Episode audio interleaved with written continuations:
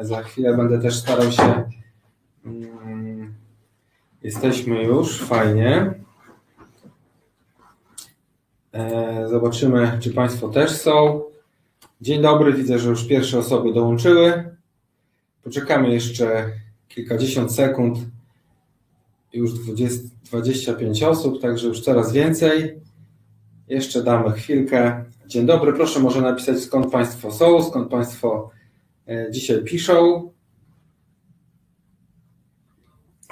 Czant mam nadzieję, że jest włączony. Dzień dobry Panie Macieju. Jeszcze 20 sekund i będziemy zaczynali dzisiejszy webinar. Wyjątkowy dzisiaj webinar. Zaraz przedstawię mojego gościa. Witam Panie Macieju. Z Warszawy Pan Maciej. Pan Stefan z Warszawy. Dzień dobry Pani Lucyno. Również z Warszawy Pan Piotr z Warszawy. O, jest Pan Mariusz z Białegostoku.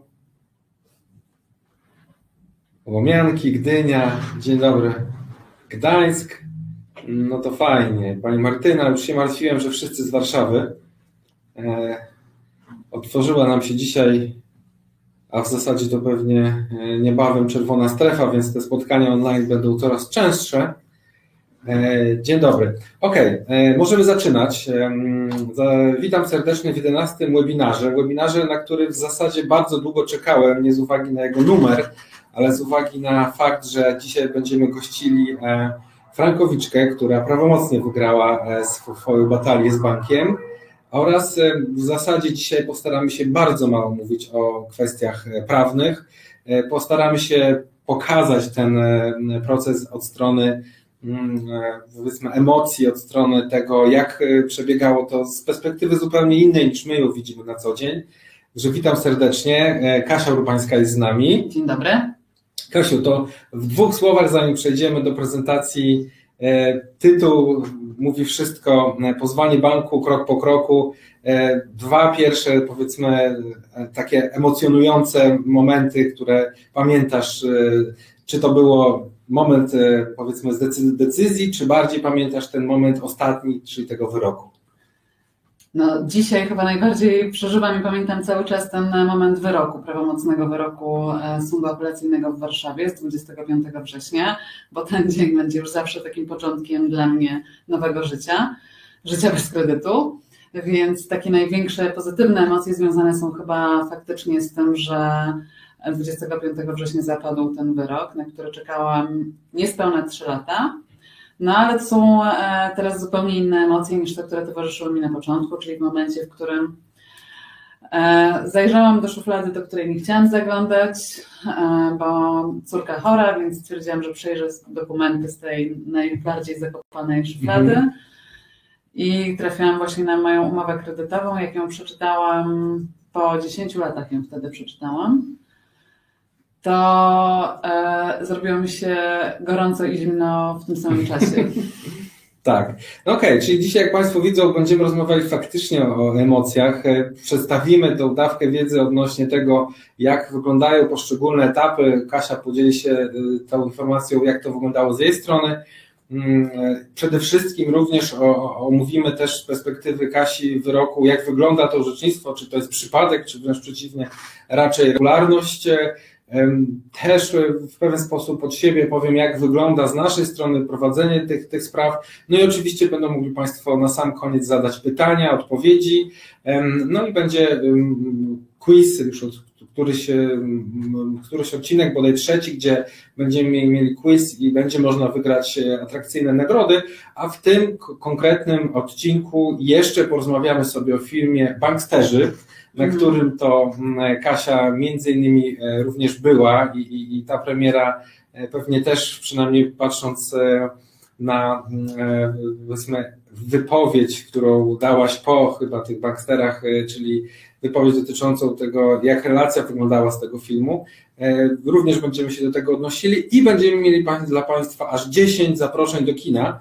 E, także na, do kina, do multikin w całej Polsce, gdzie będą mogli Państwo sobie obejrzeć film Banksterzy. Kasia też trochę opowie o tym filmie e, w kontekście swojej sprawy i też po prostu filmu, jak on, czy on się podobał, czy nie.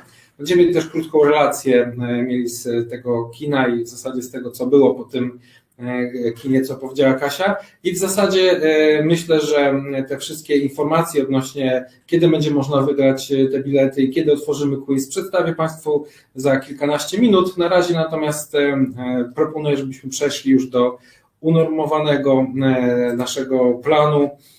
Kasiu, jak wyglądał pierwszy kontakt? Dzisiaj on już wygląda oczywiście trochę inaczej, już z uwagi na to, że jednak 5 lat się tym zajmujemy, to trochę musieliśmy to od, można powiedzieć, od, od, oddalić od takiego kontaktu osobistego, tym bardziej, że mamy dzisiaj ten, ten COVID, czerwona strefa, ale jak to u Ciebie wyglądało? No, tak jak e, wspomniałam, odkryłam tę umowę po tych 10 e, latach nieczytania jej i to, co przeczytałam i troszkę więcej zrozumiałam niż w momencie, w którym podpisywałam umowę kredytową. Się przeraziłam, że po prostu nigdy w życiu nie będę w stanie spłacić kredytu, który zaciągnęłam. Mhm. Co więcej, kredyt, który zaciągnęłam, w przypadku, w którym stanie mi się cokolwiek, będzie zobowiązaniem, które przejdzie na moje dzieci. I chyba to spowodowało we mnie taką największą panikę i chęć podjęcia decyzji, żeby coś z tym zrobić. E, I tak e, te trzy lata temu trafiłam na kontakt do Ciebie przez właśnie społeczność Frankowiczów, przez społeczność e, Życie bez kredytu, gdzie bezpośrednio z Tobą się wtedy skontaktowałam mhm. i zapytałam, czy jest szansa, żeby cokolwiek zrobić z tą moją umową, bo albo ja, albo oni, że faktycznie wydawało mi się to wtedy sytuacją bez wyjścia. No wtedy poprosiłeś mnie, żebym przysłała Ci skan umowy, mhm. a że akurat go miałam przed sobą, to natychmiast robiłam zdjęcia telefonem komórkowym i Tobie natychmiast wysyłałam, żeby tak. jak najszybciej tę procedurę uruchomić. No bo w takim stresie, jak nagle dociera do Ciebie coś takiego, no to chcesz jak najszybciej mhm. wiedzieć, czy coś można, czy nie można, jak dalej sobie poradzić z tym problemem. Więc mhm. taki był początek. Tak, no pamiętam to też. Ja pamiętam, jak zadzwoniłaś do mnie E, to akurat byłem na, na treningu i trener w tym czasie powiedział, że e, spadła bramka na dzieci, ale nic się nikomu nie stało, to pamiętam. E, okej, okay, czyli ten pierwszy krok to było przesłanie umowy i tak dalej, i tak dalej. Teraz Kolejny aspekt, czyli kolejny aspekt dotyczący wyboru warunków. Wtedy jeszcze nie było bodaj tego konfiguratora, no ale jakby dziś już mamy taką możliwość, że można sobie wybrać róż, różne opłaty wstępne, które wiążą się również z innym success i można rozłożyć to sobie na 10 lat. No to pominiemy, bo to Ciebie nie dotyczyło, natomiast na chwilę obecną taka możliwość jest. No dobrze, i jak e, następne emocje, bo wiem, że jakby przygotowanie dokumentów dla klienta, żeby złożył w banku, też nie jest takie powiedzmy oczywiste, tak? No bo to jest jakaś procedura, z którą się zapewne mhm. mierzyłaś pierwszy raz. Tak, to była procedura, z którą mierzyłam się pierwszy raz. Jak już miałam od Ciebie jasną odpowiedź, że to jest wzorzec umowny, który de facto zawiera w sobie wszystkie niewłaściwe, niedozwolone zapisy, te tak zwane klauzule abuzywne mhm. i mamy duże szanse, żeby cokolwiek z tym zrobić, no to rozpoczęliśmy e, pierwszy ten etap. E, etap pierwszy to było złożenie reklamacji do banku. E, no dla mnie to czarna magia, magia złożyć reklamację do banku, nic zrozumiałego dla mnie z tego nie wynikało. Te wszystkie rzeczy dostałam od Ciebie do złożenia przygotowane, tak. mhm. tylko takie, że moja rola sprowadzała się do tego, że mam pójść do oddziału i dopilnować tego, żeby przebili pieczątkę z datą i że przyjęli. I potem e, do kancelarii odesłać e, kopię, że faktycznie dotarło do nich, więc to, ten kolejny etap, który też Wy super opracowaliście, czyli ja dostawałam po prostu na skrzynkę mailową od Was komplet dokumentów, które podpisywałam e, i szłam do banku i składałam tę pierwszą reklamację. Mhm. A długo czekałaś na zwrotną odpowiedź z banku? Na zwrotną odpowiedź z banku. E, oni zawsze mają te swoje standardowe procedury, czyli 30 dni na mhm. rozpatrzenie i dokładnie zawsze mieścili się w czasie. Mhm. Okej, okay, czyli no, jak widać to nie było długo. Generalnie to jest tak, że teraz najczęściej są teraz, teraz nawet takie banki, które zaskakują tym, że po kilku dniach nawet e, wydają to zaświadczenie. E, nie zdarza się faktycznie, żeby było to dłużej niż 2, 3, 4 tygodnie, ale faktycznie kiedyś to było tak, że te, te pierwsze zaświadczenia i odpowiedzi na reklamacje były wydawane w punkt, czyli w ciągu tych 30 dni. No dobrze, a jak później wyglądało mm, same, jak, jakie masz odczucia odnośnie czasu, który musiałeś odczekać na to, aż złożyliśmy pozew? Czy natychmiast jak nam odmówili, to ten pozew. Reklamacją. Tak, reklamacją, Mhm. tak. e, Że odmówili nam reklamacji, uznali, że oni są ok Mhm. w zgodzie z przepisami. Strasznie E. wygodzi. Mhm. to e, natychmiast dostali właściwie pozew, że to przez Was już było, spodziewaliście się takiej decyzji, więc Mhm. pozew był już przygo- właściwie w opracowaniu e, przez kancelarię i krótko potem złożyliśmy powództwo. Tak, no generalnie to wygląda w taki sposób, że faktycznie pozew co do zasady jest napisany i udowodniony, jeżeli chodzi o kwestie prawne, a czekamy tylko i wyłącznie na zaświadczenie po to, żeby zrobić analizę i udowodnić te roszczenia co do wysokości, dlatego faktycznie e, od razu, to znaczy ten tydzień, no czasami może trochę dłużej e, jest na złożenie tego pozwu i co jedno, jednocześnie od razu, jak pewnie masz świadomość, przerwało bieg przedawnienia. Tak? U Ciebie chyba złapaliśmy się na, bo to był ósmy rok, tak? Tak, Czy przedawniło się cokolwiek, Nic czy nie? nie nie przedawniło. Czyli to był taki czas, że nic się nie przedawniło. Już w większości państwa na pewno już się przedawniają raty 10 lat wstecz, co nie umożliwia, co, co nie powoduje, że nie można pozwać banku, ale te roszczenia są już od 2010 roku, od października wstecz przedawnione. Okej. mm, y, I jakby twoja, twoje, twoja relacja, twoje rozumienie tej sytuacji, czyli ten etap, który wiązał się jeszcze z wymianą pierwszych pism procesowych po złożeniu pozwu, no bo poinformowałem Cię, że, że pozew jest złożony i co dalej? Co dalej myślałaś, co się będzie działo i co się działo? Znaczy, pierwsze, czego się bałam, bardzo się bałam, że natychmiast, będzie natychmiastowa reakcja banku, że Mhm. e, oni zaczną e, mnie traktować jako klienta non grata, czyli takiego, którego trzeba się natychmiast pozbyć, bo sprawia problemy Mhm. i trzeba mu wypowiedzieć umowę. No tak się nie stało na szczęście, więc tutaj jeżeli ktoś się boi, że w momencie, w którym się pozwie bank, no, bank Mhm. natychmiast wszczyna jakieś procedury, to tak się nie dzieje, bo e, oni też zawsze wychodzą z założenia, takie mam przekonanie do dzisiaj, mimo Mhm. wygranego procesu, że zawsze im się wydaje, że i tak oni są górą i tak na koniec dnia oni będą wygrani. To też chyba taka właśnie taki psychologiczny e, Tak, no. sposób na Tak jak to w korporacji jest, że po prostu uważają, że za każdym razem e, mają rację, a jeżeli nie mają racji, no to i tak ktoś pójdzie do sądu, a może ktoś nie pójdzie, może ktoś odpuści i dlatego na takiej Mhm. zasadzie to, to funkcjonuje. Nie pamiętam, m, przyznam, czy był u Ciebie wniosek o biegłego, to znaczy czy był biegły w sprawie? Nie, nie było Nie było, no właśnie. Nie było biegłego. Czyli czasami zdarza się, że jest biegły w sprawie do wyliczenia e, pewnego rodzaju kwot, które e, są przedmiotowo dochodzone pozwem. To jest opłata około 2000 zł obecnie. Jeszcze za Twoich czasów to było około półtorej, teraz te stawki co miesiąc, co rok Mhm. się zmieniają, natomiast skoro u Ciebie nie było, no to też na ten temat nie ma e, co rozmawiać. E, No dobrze, i teraz e, jak, jak długo czekałaś na swoje przesłuchanie, tak? No bo to był taki moment, który zapewne zaczęłaś najbardziej się emocjonować, no bo przyszedł czas, kiedy będziesz musiała swoją rację wyłożyć w pewien sposób przed sądem. Tak. Pozew został złożony w grudniu 2017 roku, w ostatnich dniach grudnia, to był 27 Mhm. grudnia dokładnie. A e, pierwszą rozprawę miałam w październiku. E, To była pierwsza sprawa, na której ja byłam przesłuchiwana. No i z tą sprawą faktycznie wiązało się bardzo dużo emocji i takiego stresu, co jest Mhm. naturalnym, bo stawanie przed sądem w roli e, świadka i jeszcze tak bezpośrednio zaangażowanego w sprawę i przesłuchiwanie i przez sąd i przez stronę pozwaną nie należy do najprzyjemniejszych doświadczeń. Jeszcze w moim przypadku to miałam wrażenie, że ta ponad godzina przesłuchania kończy, nie, nie chce się skończyć. Więc e, faktycznie to były duże emocje i duży stres, e, tym bardziej, że zawsze niestety trzeba pamiętać o tym, że bank, czyli pozwany, będzie starał się udowodnić, że nie wiem, jak ja, osoba wykształcona z wyższym wykształceniem, e, mogę nie rozumieć, co podpisuję. Mhm. E, Próbowano udowodnić, że ja doskonale wiedziałam o każdym ryzyku, które jest e, w umowie. Każdy z nas umowę podpisywało w innych warunkach i w innych okolicznościach. Często byliśmy tak pod taką presją czasu Mhm. i miejsca, i że albo podpiszemy tę umowę tego konkretnego dnia, albo ucieka nam właśnie mieszkanie e, i nie dostaniemy tego kredytu. I trochę nas zawsze szantażowano tym, że Mhm. albo teraz, albo wcale.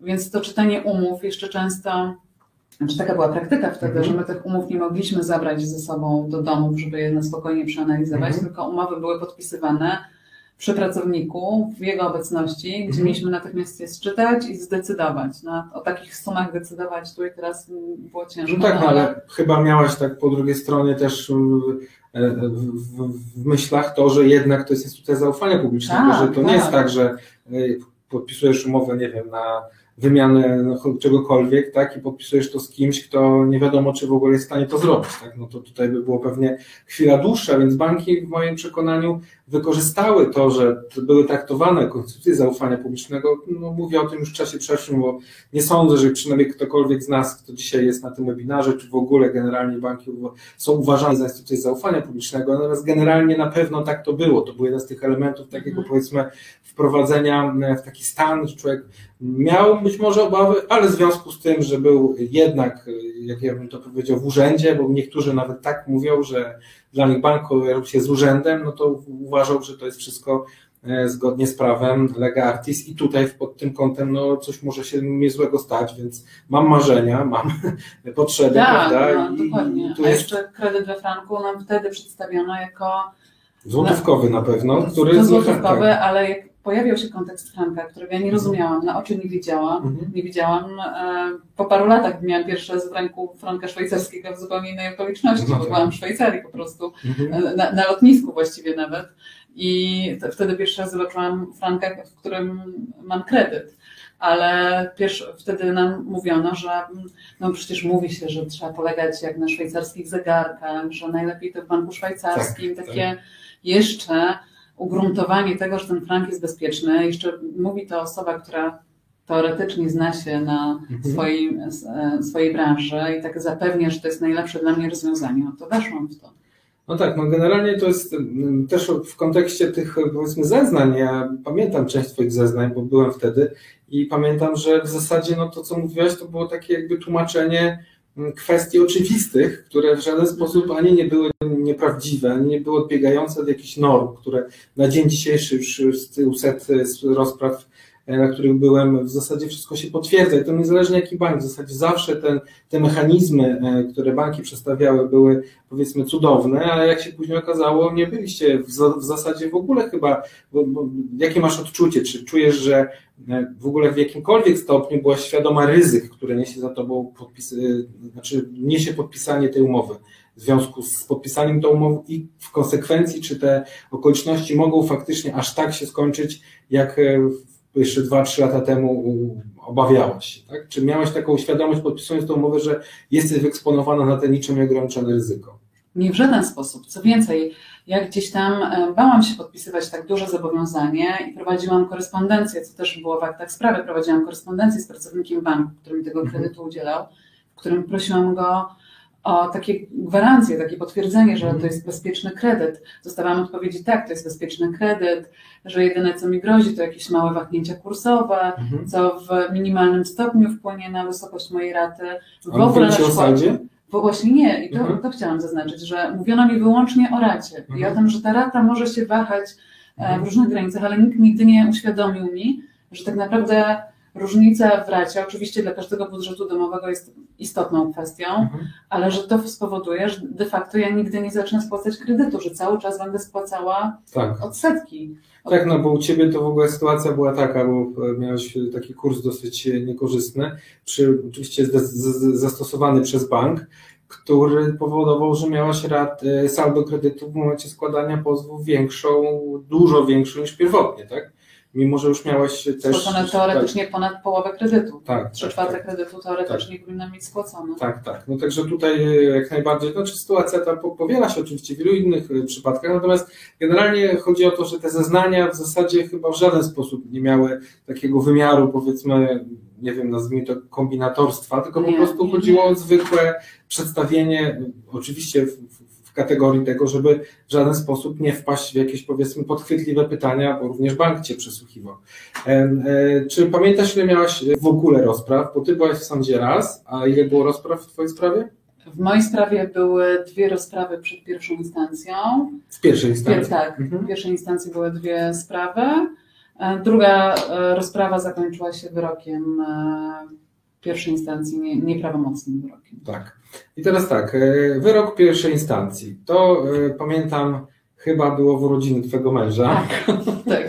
To pamiętam. No i cóż, wyszliśmy konsternacja, oddalenie powództwa, jednak umowa nie e, unieważniona, tak? Czyli e, można powiedzieć tak, sąd wyjaśnia to trochę tak dla, dla osób, które też nie do końca mogą to rozumieć. Wyrok teoria salda w pierwszej instancji, czyli w zasadzie sąd zdecydował o tym, że oddala powództwa, powództwo co do zapłaty i tylko w ustnym uzasadnieniu potwierdził, że umowa jest nieważna, tak? E, uwzględnił również te klauzule e, abuzywne, czyli stwierdził, że oczywiście umowa nie powinna zawierać tych e, dotyczących franka klauzul, które były klauzulami przeliczeniowymi i unieważnił to konkretnie tą umowę na podstawie teorii salda, czyli po prostu spowodowało to, że nie, nie było zasądzone żadne kwoty w pierwszej instancji, ale jednocześnie sąd stwierdził, że umowa jest nieważna. Tak? E, e, no i e, Twoje odczucia, to znaczy, jak długo się zbierałaś z tym, żeby zrozumieć, co się wydarzyło, no bo jednak powództwo oddalone. No właśnie, to znaczy faktycznie to była konsternacja, bo ja pamiętam, że zeszliśmy jeszcze z mecenasem do szatni i ja Was poprosiłam wtedy, żebyście mi teraz przełożyli, wytłumaczyli, tak. co się właśnie wydarzyło, czy to jest dobrze, czy to jest źle. I Ty powiedziałeś, że masz nieważną umowę, a Wiktor Mecenas powiedział, będziemy apelować. więc, więc ja czułam, że nie do końca to jest to, e, o co nam chodziło i czego byśmy chcieli, i że jest jeszcze furtka do tego, żeby było jeszcze lepiej. Tak, tak, żeby coś ubrać. I wtedy chyba też pojawiła się myśl, co dalej z kredytem, tak? Bo kiedy tak. w pierwszej instancji kredyt jest nieważny, to też były rozbieżne zdania, tak? Przypomniając, kto miał jakie, to jednak wybrałaś niepłacenie, tak? tak. I jak to przebiegało u Ciebie? To znaczy ta decyzja e, niepłacenia po pierwszej instancji, wiadomo, że e, legalnie nie można było przestać płacić, że generalnie to było przesłankowo, to znaczy zakładaliśmy, Ty założyłaś koniec końców, że ta umowa również prawomocnie będzie nieważna, no ale podjęłaś ten krok i przestałaś tak. płacić już po wyroku w pierwszej instancji. Tak, to znaczy gdzieś tam e, orzecznictwo, po drodze był jeszcze wyrok TSUE, mhm. E, który działał na korzyść frankowiczów. Zresztą wyrok TSUE dotyczył dokładnie mojej klauzuli umow, e, mojej, tak, mojego wzorca umownego, mhm. czyli banku, który ja pozywałam. Więc gdzieś wydawało mi się, że skoro nawet Trybunał Sprawiedliwości uznał, że te umowy są nieważne i w taki sposób nie można zawierać mhm. umów z konsumentami, no to zdecydowałam, że zaryzykuję, że skoro bank mnie tyle czasu tak naprawdę ogrywał, mhm to teraz ja podejmuję decyzję, że przestaję spłacać kredyt, że mhm. po prostu pieniądze, które miałam wpłacać na kredyt, dla bezpieczeństwa przelewałam na inne osobiste konto oszczędnościowe, żeby mhm. te pieniądze były w razie, gdyby nagle zaistniała potrzeba, że muszę im oddać. E, to je gdzieś tam zabezpieczałam, ale z pełną premedytacją, pełną świadomością przestałam spłacać ten kredyt. Dobrze. I co się działo od strony banku po kolei? Jak przestałaś płacić? No, nie wiem, czy będę polecała to, to, to rozwiązanie wszystkim tutaj naszym e, webinarowcom, no mhm. bo faktycznie to był moment chyba najmniej przyjemny w całej historii z poznaniem banku. Mhm. Oczywiście ja zadziałałam też ekstremalnie, no bo poszłam i przestałam płacić raty. Mhm. Ale miałam brak pierwszej instancji, więc tak się nie Coś, coś cię usprawiedliwiało. Coś mnie tak? usprawiedliwiało. E, przestałam spłacać raty, e, no i standardowo już po pierwszej niezapłaconej w terminie racie zaczęłam odbierać telefony z banku, kiedy mam zamiar. Więc mówiłam grzecznie, że nie mam zamiaru. Mhm. Bo jesteśmy w sporze e, prawnym, że teraz czekamy na decyzję, bo umowa jest nieważna. E, bank mnie cały czas e, przekonywał, że mam obowiązek, że mam spłacać, że tutaj się nic nie zmienia w tej relacji. No, ja konsekwentnie odmawiałam spłaty tego zobowiązania. No i tych telefonów było coraz więcej, coraz więcej. W końcu bank postanowił wypowiedzieć mi umowę. Jak mi wypowiedział umowę, no to dostałam informację, że mam 14 e, dni mhm. na zapłacenie wszystkiego, co oni sobie, bo oni w międzyczasie postanowili sobie przewalutować mój kredyt Mhm. Mimo, że wcześniej nigdy nie było takiej opcji. Mhm. A oni jak rozwiązywali umowę ze mną, to mi przewalutowali Tak, kredyt. i to coś ciekawe, to chyba była dwa razy większa kwota niż Tak. ty pierwotnie dostałaś. Tak. Mimo spłacenia, tak? Więc ma nagle- spłacenia, nagle jeszcze bardziej urósł. Oczywiście mówimy to z perspektywy, że tak powiem, czasu, ale ja generalnie zawsze uważam, że te wszystkie wypowiedzenia banku po pierwsze są nieskuteczne, a po drugie nie można wypowiedzieć nieważnej umowy, tak? Więc to Tak. jest, natomiast no to Tego się trzymałam. dzisiaj, No. dzisiaj, dzisiaj sobie tak mówimy, ale przecież pamiętam, bo co, bo nawet była taka sytuacja, że przecież któregoś pięknego wieczoru dostałaś SMS-a, chyba gdzieś koło 22 i co oni tam napisali w tym SMS-ie, co tam było, że mogą ci zająć jutro mieszkanie? Tak, tak, tak, że Mhm. mam się spodziewać e, egzekucji komorniczej i że e, podejmą czynności celem wyrzucenia mnie z mieszkania. Tak. No i generalnie to polegało na tym, że później odczytałem ten, ten bo oni wysłali link do jakiegoś artykułu tak, w internecie. I później się okazało, że ten artykuł w internecie był sprzed pięciu lat, kiedy jeszcze obowiązywał bankowy tytuł egzekucyjny, kiedy w zasadzie banki mogły robić wszystko, co chciały. Oczywiście już od dziś nie ma czegoś takiego, nie ma bankowego tytułu egzekucyjnego, kodeks postępowania cywilnego zmienił się w zeszłym roku, więc bank w zasadzie nie ma żadnych szans na to, żeby nawet po wypowiedzeniu umowy mieć jakiś automatyzm w działaniu. Natomiast jak widać, metody były takie, żeby zdenerwować i zestresować e, osobę, która nie płaci, poprzez chociażby taki fortel, że przesłanie jakiegoś interne, internetowego artykułu sprzed wielu lat, który na dzień dzisiejszy był już bez obecnego stanu prawnego, więc nie był w zasadzie w ogóle wiążący. Natomiast, e, no tak, no to, to pewnego rodzaju można powiedzieć, znaczy tutaj trzeba otwarcie powiedzieć, że ja pamiętam, że też przyjechałeś, mieliśmy spotkanie w kancelarii na ten temat, po wypowiedzeniu um, umowy rozmawialiśmy. Mhm. Pamiętam, że zadzwoniliśmy chyba też na infolinię tutaj wszyscy razem. Natomiast no generalnie to było tak, że nie było żadnej możliwości, żeby zaniechać jakiejkolwiek czynności ze strony banków windykacyjnych, tak? No bo ja nie mówię o jakiejś tam egzekucji, tylko chodzi o same telefony i tak dalej, tak, Tak, dalej. tak, no bo to było, no do, doszło do takiego momentu, w którym oni po pierwsze dopuszczali się wizyt w domu, pod moją Mhm. nieobecność tam zostawali raz Mhm. mojego męża, raz moje dzieci, ale to nie były przyjemne Mhm. momenty, no bo nagle się okazywało, że ktoś z banku mnie szuka, ktoś zostawił tutaj karteczkę przylepioną do drzwi, no takie metody Mhm. rodem z poprzedniej epoki, chciałoby się rzec. Tak. E, No to działa bardzo mocno na psychikę, więc jak oni zaczęli naruszać już te takie granice, w których ja się czułam e, Mir domowy. tak, Mhm. komfortowo, to już tutaj e, pamiętam, że mecenas wykonał telefon, w którym powiedział, że no, zaczynamy grać na, być na granicy Mhm. dobrych obyczajów, e, więc mają się zastanowić i zaprzestać. To Mhm. był cudowny telefon, który nagle zmienił strategię komunikacji i już Mhm. przestali mnie straszyć, przestali Mhm. w taki sposób e, mnie nagabywać. Mhm. Ale to był faktycznie najmniej przyjemny i najbardziej stresujący moment, dokładnie rok temu. Tak, no ale plusy tej sytuacji były takie, że jednak odłożyłaś jakąś kwotę, Tak. jednak generalnie rzecz ujmując, wytrwałaś w tym powiedzmy, nie dałaś się zastraszyć, y, co generalnie też pokazuje, że bank nie miał żadnych narzędzi, w związku z tym, że ich nie wykorzystał y, w ramach takiego postępowania. No i co? No i y, proszę bardzo, postępowanie apelacyjne chyba około roku trwało, tak? Mimo, że w międzyczasie mieliśmy E, Półtora koronawirusa. roku. Półtora roku, tak. Aha, bo tak, Tak, bo- jeszcze był koronawirus, więc trochę to było rozłożone o te kilka miesięcy. No i co? I generalnie zawsze są możliwości, żeby sąd częściowo uznał, utrzymał wyrok, czyli w tej części, która dotyczyła nieważności, ale e, no, włosy stanęły dęba, gdyż nastąpiło słowo e, zasądzam, jak to się mówi, tak? I sobie rozmawialiśmy przed wyrokiem, bo zdaję sobie sprawę, że w czasie odczytywania wyroku bardzo mało osób rozumie, co sędzia e, poprzez tą swoją decyzję ma powiedzieć, bo to nie jest powiedziane wprost, tylko powiedzmy oczywiście w języku prawniczym.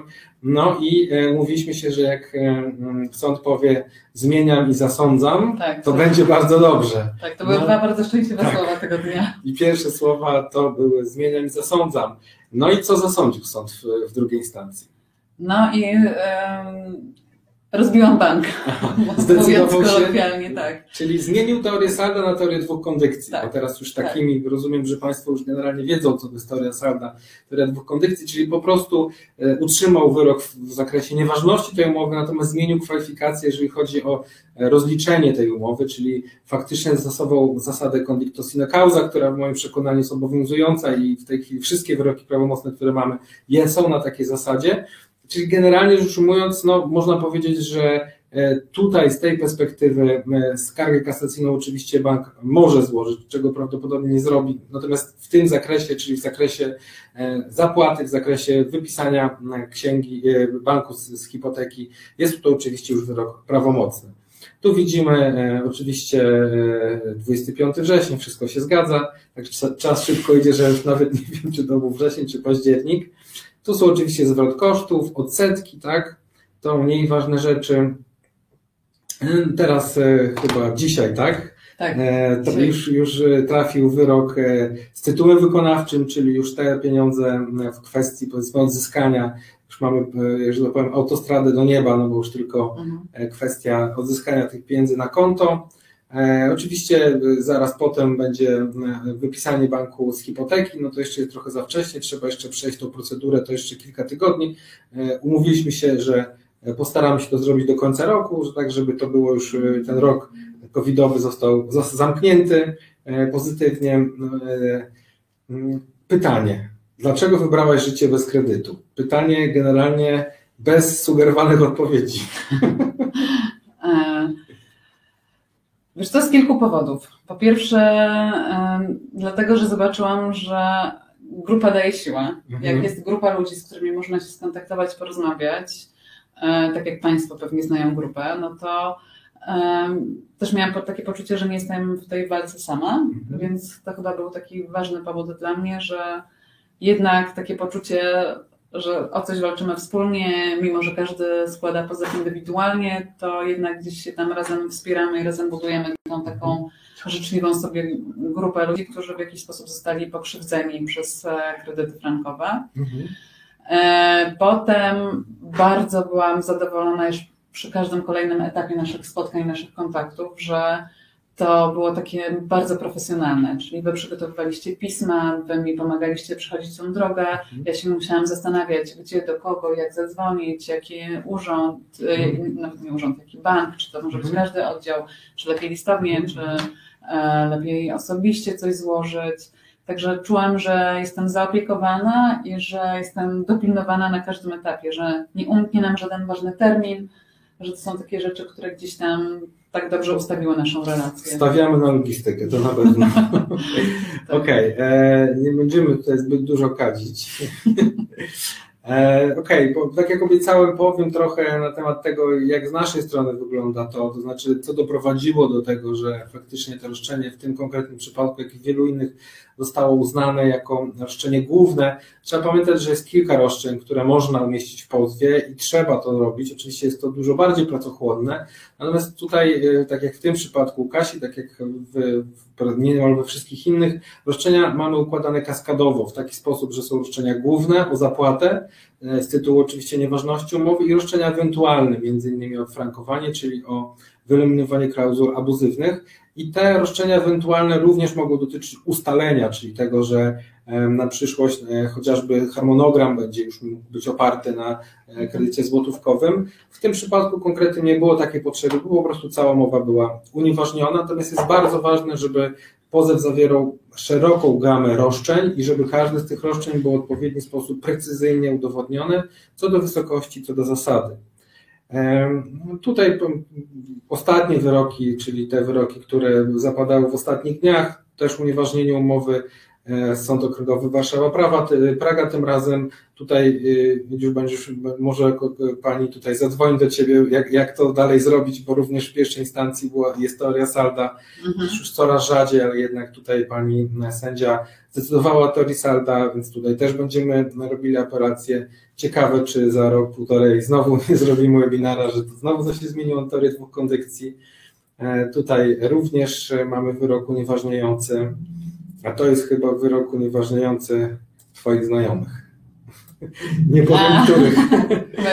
tak, e, tutaj znowu mamy Fortis. E, Fortis, tak, znowu ustalenie ważności, też wyrok, a tutaj w ogóle ciekawy wyrok zapadł też za sądzenie 162 tysiące franków.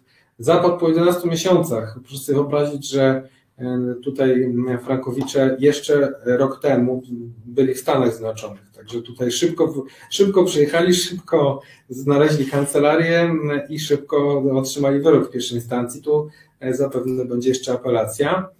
Mm, Kolejny wyrok, e, tak, tutaj też ustalenie nieważności Fortis, e, akurat wyrok częściowy, przy czym co ważne z zabezpieczeniem roszczenia. Czyli widzisz, no tutaj ty miałeś taką sytuację, że jeszcze wtedy nie było koronawirusa i te banki nie stały tak źle finansowo jak teraz, a teraz e, gorsza sytuacja banków determinuje możliwość złożenia wniosku o zabezpieczenie roszczenia, które ma wpływ na to, że od momentu wydania takiego postanowienia przez sąd Zabezpieczenie roszczenia powoduje, że klient nie musi płacić już rat legalnie i bank nie może wypowiedzieć umowę, tak? Ani też wpisać do BIK-u, bo zapomnieliśmy powiedzieć, że tak. była wpisana do BIK-u. Tak. E, więc jakby z tej to perspektywy wygląda tak, czyli również zdarzają się takie wyroki, że sąd ustala nieważność umowy, ale jednocześnie e, zabezpiecza roszczenie w taki sposób, żeby klient już dalej nie musiał płacić. Czyli tutaj w, tak, w Twojej sytuacji to by było po prostu dużo lżejsze, jeżeli chodzi o mhm. kwestie E, powiedzmy psychiki, tak, bo bez tego no tak, zakłócania tak. miru domowego, no wtedy nie było to niestety możliwe, chociaż teraz też składać można oczywiście, ale też w około 20% przypadków to się udaje, więc też nie masz tak dużego prawdopodobieństwa. E, no tutaj już jeżeli chodzi o Getting Bank, to też w tym tygodniu dwa wyroki unieważniające. Już Państwa nie będziemy zanudzali. Oczywiście wszystkie te materiały mogą Państwo znaleźć na naszej stronie internetowej życiebezkredytu.pl, na fanpage'u Życie bez kredytu, czy na grupie Frankowicze Życie bez kredytu. E, to dziękujemy już za tą część, e, która na pewno jest e, częścią, powiedzmy, ciekawą, była ciekawą częścią. Za moment przejdziemy do omówienia jeszcze filmu Banksterzy i do pytania, sesji pytań QA, gdzie mam nadzieję, że będą mogli Państwo zadawać pytania i będą chcieli Państwo zadawać pytania zarówno do Kasi, jak i do mnie. Natomiast chciałbym też przez pewien moment i to w tej chwili już zaproponować Państwu, że włączamy quiz. Quiz jak zwykle będzie dostępny do godziny 21 od teraz, więc proszę w tej chwili, zaraz administratorzy wrzucą linki na ten quiz. E, prawidłowe odpowiedzi na te pytania będą e, dawały Państwu nagrody, a pierwsze 10 osób, które odpowie e, prawidłowo na te pytania z quizu, otrzyma również zaproszenie do w sieci kin Multikino w całej Polsce na film Banksterzy, czyli film, na którym była między innymi Kasia na premierze. Film wchodzi od jutra do polskich kin E, czy możemy, mm, e, pewnie możemy włączyć w tej chwili krótką wypowiedź? Damy tutaj chwilę odetchnienia. E, proszę bardzo, Kasiu. Zobaczymy, jak wyszłaś w kinie.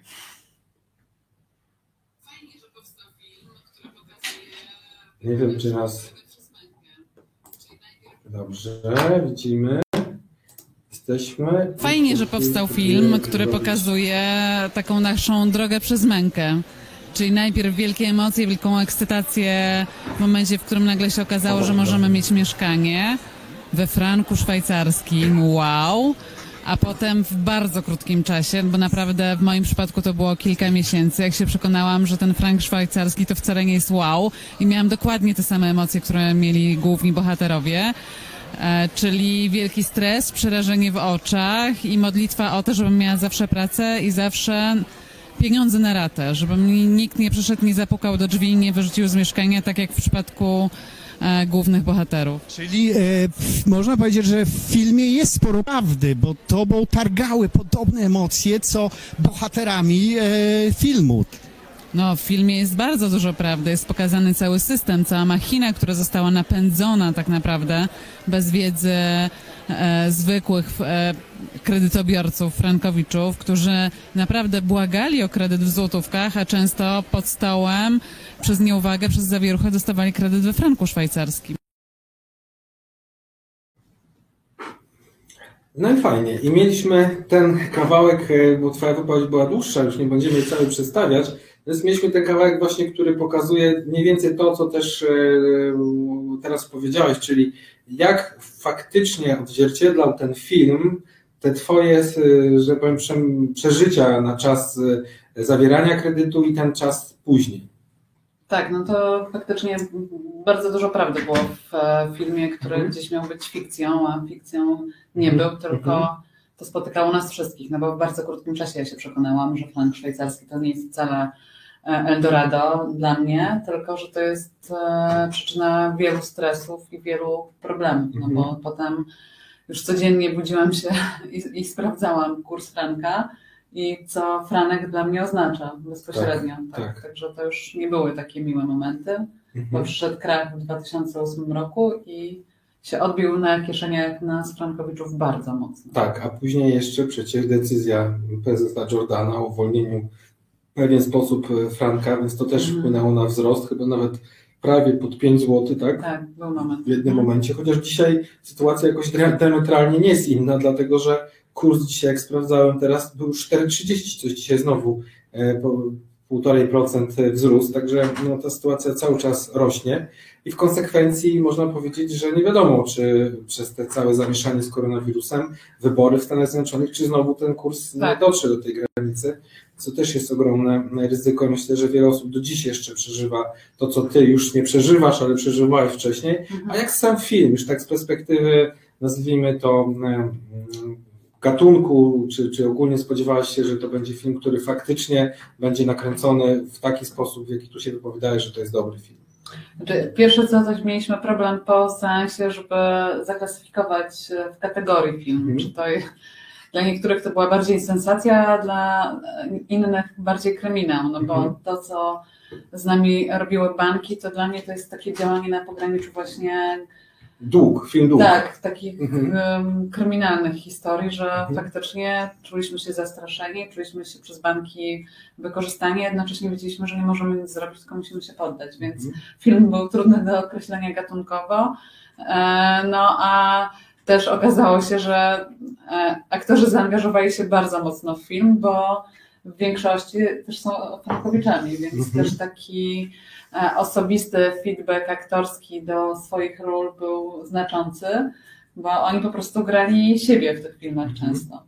No tak, no generalnie trzeba powiedzieć, że tego rodzaju film, e, dziwne, że już dopiero teraz, znaczy już tak po, po, po- powstał teraz z perspektywy z jednej strony już rok po wyroku TSUE, z drugiej strony te historie, nawet jeszcze zanim to orzecznictwo się poprawiło i tak one były, tak, to znaczy e, pierwsze pewnie załamania nerwowe były po kilku latach po tej całej akcji kredytowej, więc e, podejrzewam, że to było na początku, nie wiem, 2015, a teraz mamy 2020, więc to już jest no niemal można powiedzieć od niektórych kredytów aż 15 lat, no ale dobrze, że w ogóle jest ten film, że on Mhm. pokazuje to, co faktycznie e, Frankowicze przeżywali. Jest to również okazja do tego, żeby w jakiś sposób bardziej e, zastanowić się nad tym, czy można być, dawać się tak e, być oszukiwanym, bo ja uważam, że zresztą nigdy do tej pory nie mówiłem na e, cały sektor banksterzy, natomiast teraz w pewien sposób można powiedzieć, że jest to już legitymacja, to znaczy ten film już pokazał, że jest to poważny problem społeczny i że faktycznie po drugiej stronie stoją jednak i stali ludzie, którzy nie do końca em, uczciwie się zachowywali, którzy mieli przebiegłe interesy, które chciały, chcieli oczywiście załatwić na, na, na jakby doli, niedoli Frankowiczów w tym przypadku. Co więcej, przecież znało się również takie sytuacje, że starają się skłócić e, całe społeczeństwo poprzez to, że no jak ci Frankowicze nie wiedzieli, co robili, Tak. a nagle e, tutaj my musimy płacić e, dużo większe raty, dużo większe od- odsetki, no to też jest nieprawda, dlatego że już od, od 2009 roku każdy kredyt złotówkowy był niżej, miał niższą ratę niż kredyt frankowy. Tutaj nie ma znaczenia żadne em, oprocentowanie, bo oprocentowanie jest tylko jakąś jedną niewielką składnią tego, tego całego, tej całej miesięcznego obciążenia, tej całej miesięcznej raty. I dlatego z tej perspektywy patrząc, e, oczywiście osoby, które mają po prostu zwykły kredyt złotówkowy oparty na WIBORze, nie mają prawa w żaden sposób e, krytykować, ani też, jakby to powiedzieć, kwestionować prawa do sądu, bo to nie jest prawo po pomoc państwa, czyli to nie idzie z pieniędzy nikogo, to jest prawo do sądu, czyli to koniec końców bank płaci, a nie państwo za to, prawo do sądu w przedmiocie tego, że czują się oszukani Tak. na kogoś. No tutaj się w pełni z Tobą zgodzę, że to jest chyba taki największy walor tego filmu, to to, że nie wiem jak Państwo, ale to ja się spotykałam z takimi komentarzami bezpośrednio, że no jak to, nie wiedziałaś, co podpisujesz i Mhm. trzeba było się zastanowić, czy nie brać kredytu we złotówkach. Otóż ja bardzo chciałam wziąć kredyt w złotówkach, pewnie jak my wszyscy tutaj e, obecni, tylko nam mówiono, że nie mamy zdolności kredytowej, że nie możemy brać kredytu w złotówkach i że to jest najlepszy i najbardziej korzystny dla nas kredyt. No, summa summarum, to nie był taki kredyt nigdy nim e, nie mógł zostać, skoro w taki sposób nas potraktowano i teraz sądy tylko to potwierdzają, ale myślę, że właśnie dużo osób, które nie zna naszych realiów frankowych, e, jak obejrzy ten film, to zrozumie, że staliśmy się ofiarą po prostu jakiegoś tam systemu, który działał Manipulacji, na, tak, manipulacji, powiedział. działał Mhm. na naszą niekorzyść, o czym my nie wiedzieliśmy, nie byliśmy świadomi tego, dlatego myślę, że każdy, takie, każdy taki zarzut, że przecież wiedziałaś, co podpisujesz, no, powinien ktoś obejrzeć ten film i zobaczyć, że to tak nie wyglądało. Tak, no zdecydowanie. Ja jeszcze może jedną taką krótką dygresję. E, Z, z, trzeba założyć, a przynajmniej w Twoim przypadku, no, że umowa była jakby aktem pewnego rodzaju, no, nazwijmy to może tak trochę przenośnie, ale jednak oszustwem, tak? Więc pewnego rodzaju doprowadzeniem Ciebie do niekorzystnego rozporządzenia mieniem. I teraz mamy sytuację, że powiedzmy kradną Ci samochód 12 lat temu, po 12 latach ktoś Ci oddaje, znaczy policja znajduje ten samochód, tak? I wszyscy sąsiedzi mówią, jak dobrze, że ktoś w końcu znalazł ten samochód.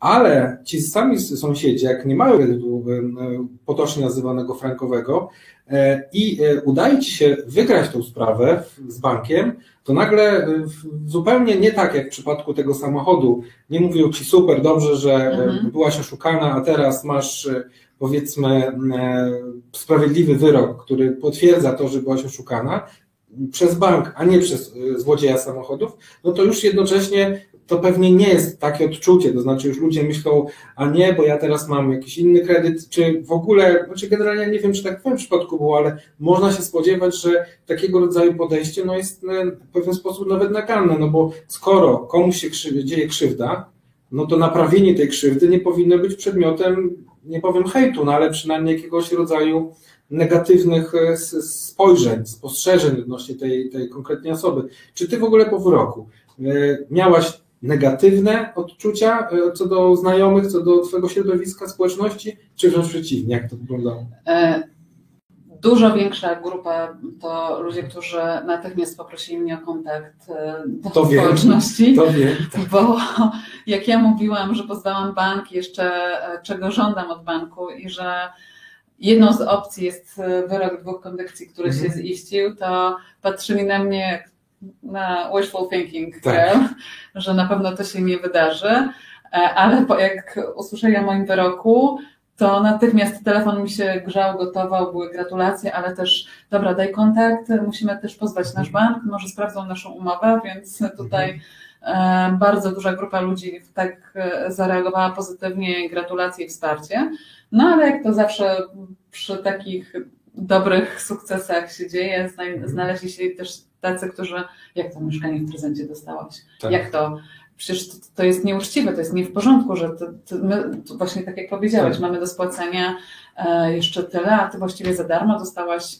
E, Znaczy za takie darmo no właśnie, to nie, za bo, takie darmo bo nie. jednak oni w tym czasie, już tak nie porównując, ale generalnie sobie żyli spokojnie, bo mieli uczciwą umowę, a ty miałaś uczci- nieuczciwą umowę, która to przez fakt tego, że ona była nieuczciwa, jednak powodowała pewnego rodzaju no, coś, czego się nie da Tak. cofnąć. I gdybym nie pozwała banku, to Tak. dalej bym była w tym samym punkcie, w tym samym miejscu i tylko sprawdzała kurs franka szwajcarskiego, obawiając się tylko wzrostu. I do dzisiaj bym była w tej sytuacji, że z jednej strony łatwo krytykować, łatwo oceniać, no ale czasem trzeba zaryzykować i no, uważam, że to była najlepsza decyzja, jaką podjęłam, że faktycznie stres i emocje związane z podpisaniem umowy i pod, pozwem też były duże. Zresztą wiesz, bo też do ciebie wydzwaniałam o różnych nieprzyzwoitych czasem porach, żeby się upewnić, że na pewno e, dobrze robię. Ale z perspektywy dzisiaj, no wiem, że przynajmniej ja i moja rodzina możemy spać spokojnie w naszym mieszkaniu i nikt nie przyjdzie, nie zapuka do nas, nie wyrzuci mnie i moich dzieci na bruk i nie powie mi, że to, teraz to nie ich problem, tylko mój. Okej, czyli e, przed e, już wejściem na sesję pytań i odpowiedzi, ostatnie badalne py- pytanie. Czy e, życie bez kredytu jest lepsze? Cudowne, cudowne, naprawdę. Stres, Super. który mi towarzyszył, tak odszedł, że Dobrze. E, Wobec tego, Kasiu, dziękuję za tą część. Bę- Będzie pewnie też wiele pytań do Ciebie. Widzę, że już są, więc zachęcam do zadawania pytań. Przypominam o tym, aby wypełniać quiz. Quiz myślę, że dosyć trudny tym razem, ale też nagrody duże. Dobrze, zaczniemy. Ja po, po, po, pozwolę, że będę moderował te pytania. Pani, pan Chris, przepraszam, pyta w kwestii zawiści ze strony osób postronnych. E, pan sobie poradzi, czy możemy wrócić do kwestii merytorycznych? No tak, będziemy właśnie zaraz w tych kwestiach merytorycznych rozmawiali. Tak, Pani Marzeno, będzie można e, te, te, te obejrzeć nagranie e, na YouTubie chociażby. Proszę wejść na nasz kanał Życie bez kredytu i zasubskrybować, więc jak tylko pojawi się materiał, e, będzie na pewno podzielony na trzy części, to wtedy będzie mogła Pani po kolei te części obejrzeć, więc proszę wejść na kanał na YouTube Życie bez kredytu, zasubskrybować i jak tylko będzie Pani mogła jak będzie już gotowy ten film, to wtedy dostanie Pani informację, że jest premiera tego odcinka. Mam nadzieję, że to będzie jeszcze w tym tygodniu. E, proszę bardzo, Pani Marzeno. Pan Łukasz pyta, e, ile mamy wygranych spraw z Deutsche Bankiem, z którym słyszałem jest ciężko wygrać z racji dobrych umów. E, Panie Łukaszu, no generalnie to jest tak, że w tej chwili wszystkie umowy są wygrane z Deutsche Bankiem. Nie dzisiaj liczyłem, ale już zapomniałem ile ich było, jest ich, nie jest jeszcze może w dziesiątkach, ale na pewno jest e, tych umów wygranych kilka, e, jeżeli chodzi o członków społeczności życia bez kredytu. E, no, bezwzględna nieważność tej umowy wynika przede wszystkim z tego, że tam był mechanizm, który nie pozwalał w drodze konsensusu ustalić kwoty kredytu, a z uwagi na brak esencjalnie negotii, czyli brak tego istotnego postanowienia, taka umowa najczęściej przez sądy właśnie jest kwestionowana jako nieważna z uwagi na niezgodność z przepisami artykułu 69 prawa bankowego, czyli umową kredytu. Oczywiście wiem, że też są jakieś e, sprawy przegrane, natomiast to jest trudny bank pod tym względem, że trzeba tam bardzo dużo rzeczy wywodzić również ekonomicznie, no a jak wiadomo, nie każdy prawnik, a w zasadzie żaden sam z siebie nie jest w stanie takich rzeczy robić, więc tutaj trzeba poprzeć e, swoje argumentacje do pozwu również od strony ekonomicznej, stąd zespół ekspertów prawa finansowego i ekonomii bardzo tutaj jest potrzebny. E, Pani Marzena, proszę, pytanie do Ciebie. Ile trwała Pani sprawa? jaki łączny koszt, no, o kosztach to do końca nie musimy mówić, że nie chcesz, ale e, czy w pierwszej, czy w drugiej instancji sprawa się zakończyła? E, cała sprawa od e, pozwania do prawomocnego wyroku sądu trwała mhm. niespełna 3 lata, mhm. 2 lata i 10 miesięcy dokładnie. Mhm. A czy w pierwszej, czy w drugiej instancji się zakończyła, tak? No w drugiej instancji się zakończyła, więc mhm. apelowaliśmy od wyroku pierwszej instancji, który dla nas był mniej korzystny. Tak. Pan Andrzej pyta się, jak wyglądają koszty dotyczące prowadzenia sprawy o unieważnieniu umowy. E, Panie Andrzeju, każda sprawa jest inna, każdy kredyt jest też innej wartości. Wobec tego jest tu konfigurator ofert, który ma Pan e, na tym czacie, gdzie może Pan to kliknąć. E, zresztą każdy, nawet na życie bez kredytu, może Pan wejść, tam też są konfiguratory w zasadzie e, formularze RODO do wypełnienia zapytania i tam zawsze w odpowiedzi otrzymają Państwo e, automatyczne maile z takimi podstawowymi informacjami, a później e, z perspektywy czasu jest to oczywiście jak najbardziej funkcjonujące. Teraz dalej mamy pytanie od Pana Łukasza było, Pana Krisa, ile kosztuje obsługa sprawy, to już rozmawialiśmy, to wszystko zależy od tego konkretnego scenariusza. Czy macie doświadczenie w prowadzeniu spraw e, z umową zawartą z bankiem Nordea? Z Nordea, tak, jak najbardziej. Obecnie to jest PKO. Kredyt Nordea Habitat jest e, bardzo, e, posiada bardzo różne wzorce umowne, przede wszystkim z uwagi na to, że są to umowy z różnych lat. Mamy umowy z lat 2007, 8 powiedzmy, 6 i 5 oczywiście wcześniej, które są na tak zwanym starym wzorcu umownym, a później już po tym, jak ta cała, powiedzmy, mm, nawałnica się skończyła, to Nordea zaczęła e, udzielać innych kredytów od 2009 roku aż do 2011. Nawet mamy jeden kredyt zawarty już po wejściu ustawy antyspreadowej i tamte sytuacje są różne. Więc jeżeli kredyt jest do 2008 roku, to nie ma w ogóle żadnych e, przeciwwskazań, a później trzeba po prostu indywidualnie przeanalizować tę umowę. Mm, pan Wojtek e, mówi, pyta się, kredyt indeksowany HF 2008 rok, odsetki są kosztem działalności gospodarczej, kredyt na dowolne cele konsumenckie, jakie są szanse? To trzeba tą sprawę indywidualnie przeanalizować, bo to zależy od tego, e, od kiedy są odsetki kosztem działalności gospodarczej, to jest jedna rzecz. Druga rzecz bardzo ważna to jest też, jaki był cel przeznaczenia tych pieniędzy. E, pisze Pan, że cele konsumenckie, no prawdopodobnie trzeba by było to wykazać. Generalnie na dowolne cele to bardziej by się wiązało z pożyczką, a nie z kredytem.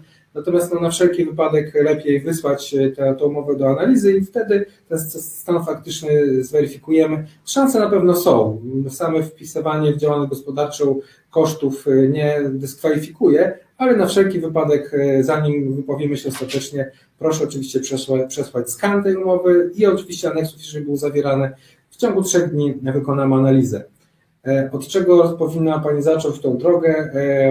Pani Elżbieta, akurat kredyt w banku. No ale od czego powinna zacząć drogę? To już rozmawialiśmy, może jeszcze powtórzysz, zreasumujesz, jak Ty z perspektywy czasu poradziłabyś Frankowiczom, jak, jak powinni zacząć tą drogę? No przede wszystkim trzeba odkopać gdzieś umowę, którą się podpisało, zawarło z bankiem. Skan tej umowy wysłać Mhm. do analizy do, do kancelarii i po Mhm. tej analizie kancelaria będzie wiedziała więcej, jaka Mhm. to jest umowa, co można z nią zrobić Mhm. i jakie są w niej niedozwolone Mhm. e, klauzule zawarte. Mhm. E, Potem etap reklamacji i potem powództwo. Powództwo. Czyli generalnie wystarczy zacząć od tego, żeby, tak jak tutaj powiedziała Kasia, dokopać się do umowy. Jeżeli nie ma, to można zrobić, e, poprosić o duplikat z banku, to nie jest żaden problem, bank musi wydać. No i wówczas po tym całym elemencie wystarczy zdecydować się na e, poszczególne warianty, które są teraz, no tak jakby wtedy za czasów Kasi tych wariantów nie było, była jedna opłata, jakaś możliwość negocjacji, ale generalnie teraz są te warianty, można decydować o tym, jak dużo się zainwestuje w ten cały proces.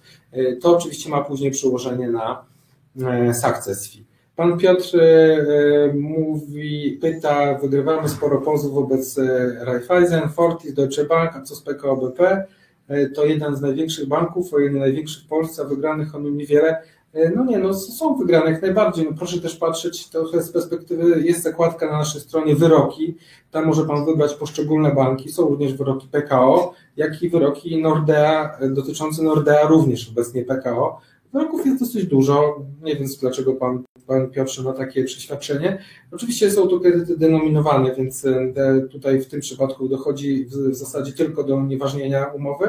No, wiem, że w tej chwili jest taka seria nowych artykułów, Natomiast no, te nowe artykuły, które konkretnie opisują jakieś banki, one są podyktowane tym, że w danym tygodniu mamy wyroki, wobec tego też chcemy, no, chcemy w pewien sposób się e, zabezpieczyć też tym, żeby te artykuły już takie powiedzmy szerokie, a nie tylko pojedyncze.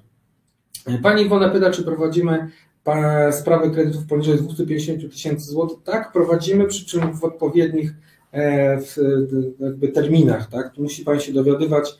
Generalnie e, zajmujemy się kredytami większymi, natomiast są takie momenty, gdzie jesteśmy w stanie również obsłużyć niższe kredyty.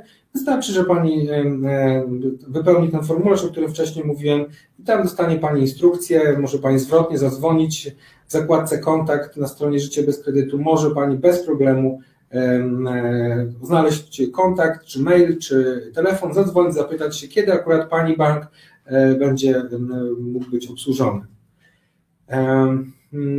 Pani Kamila pyta, czy rozliczyła się Pani z bankiem? No jeszcze, czy dopiero dzisiaj dostaliśmy tytuł wykonawczy, więc jeszcze To bank się ze mną ma rozliczyć. tak, to jeszcze pan, to jeszcze bank się rozliczy, no, przepraszam. E, Podchwytliwe pytanie, pani Kamila. E, Tu oczywiście e, bank, roszczenie banku jest przedawnione, co podkreślił sąd w, czy w, w ustnym uzasadnieniu. Nie wiem, czy mm, zakonotowałaś, natomiast sąd powiedział, że zarzut zatrzymania, czyli Tak. generalnie rzecz ujmując chęć potrącenia należności z e, należności przedawnionego kredytu, czyli tej wypłaty pierwotnej kredytu, sąd uznał za e, niesłuszny, e, przede wszystkim z uwagi na to, że nie jest to umowa wzajemna, a ponadto bank ma przedawnione roszczenie w momencie e, wypłaty kredytu 3 lata e, ten termin płynie, no i sąd nie uznał e, tego za Tak, tego, nas tym zaskoczyli na tak, sam, na tak, sam tak. Na sam, tak, na sam koniec ostatniej rozprawie. E, Proszę bardzo, Panie Piotrze, czy składacie Państwo wniosek do Rzecznika Finansowego? E, Pani Beatrycze, Powiem tak, y, to jest jeden z największych błędów logistycznych, i można powiedzieć operacyjnych, które osobiście e, popełniłem, bo trzy lata temu wydawało mi się, że dla mniejszych kredytów właśnie rzecznik finansowy będzie najbardziej optymalnym rozwiązaniem. Wtedy wyszła taka ustawa, to był luty, pamiętam chyba 2017 roku, kiedy to e, wydawało się, że rzecznik dostał nowe narzędzia, żeby rozstrzygać te spory i ta droga powinna być wówczas no, łatwiejsza, ale też mniejsze zaangażowanie środków finansowych, czasu i rzecznik powinien to zrobić. Niestety, po tych trzech latach żaden, żaden spór nie został rozstrzygnięty przez rzecznika finansowego w sposób ani zadowalający, ani w zasadzie konkretny. Czyli e, w zasadzie wszyscy, którzy wówczas e, e, zdecydowali się na rzecznika finansowego, dziś już złożyliśmy nawet nie wiem, chyba jeszcze pan Marian ma się zdecydować w tym tygodniu, ale praktycznie wszyscy zdecydowali się już na pozew sądowy. Całe szczęście, że wówczas, zresztą do dziś też te przepisy tak wyglądają, złożenie wniosku do rzecznika finansowego w odpowiednim trybie przerywało bieg przedawnienia.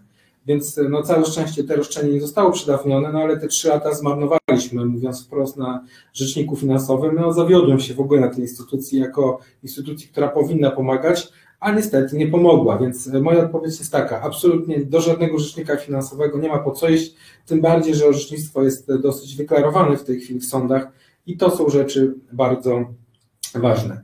E, pani Iwona pyta, e, czy jest możliwość spotkania przed podpisaniem umowy czy w obecnych okolicznościach można odbyć spotkanie online?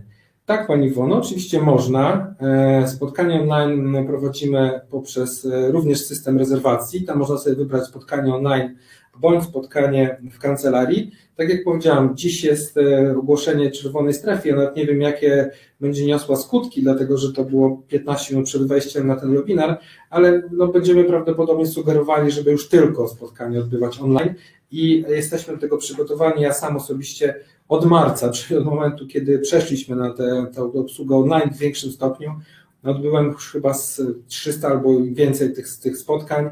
Bardzo fajnie się spotyka z klientami online, bo mamy możliwość udostępniania tych dokumentów, o których rozmawiamy.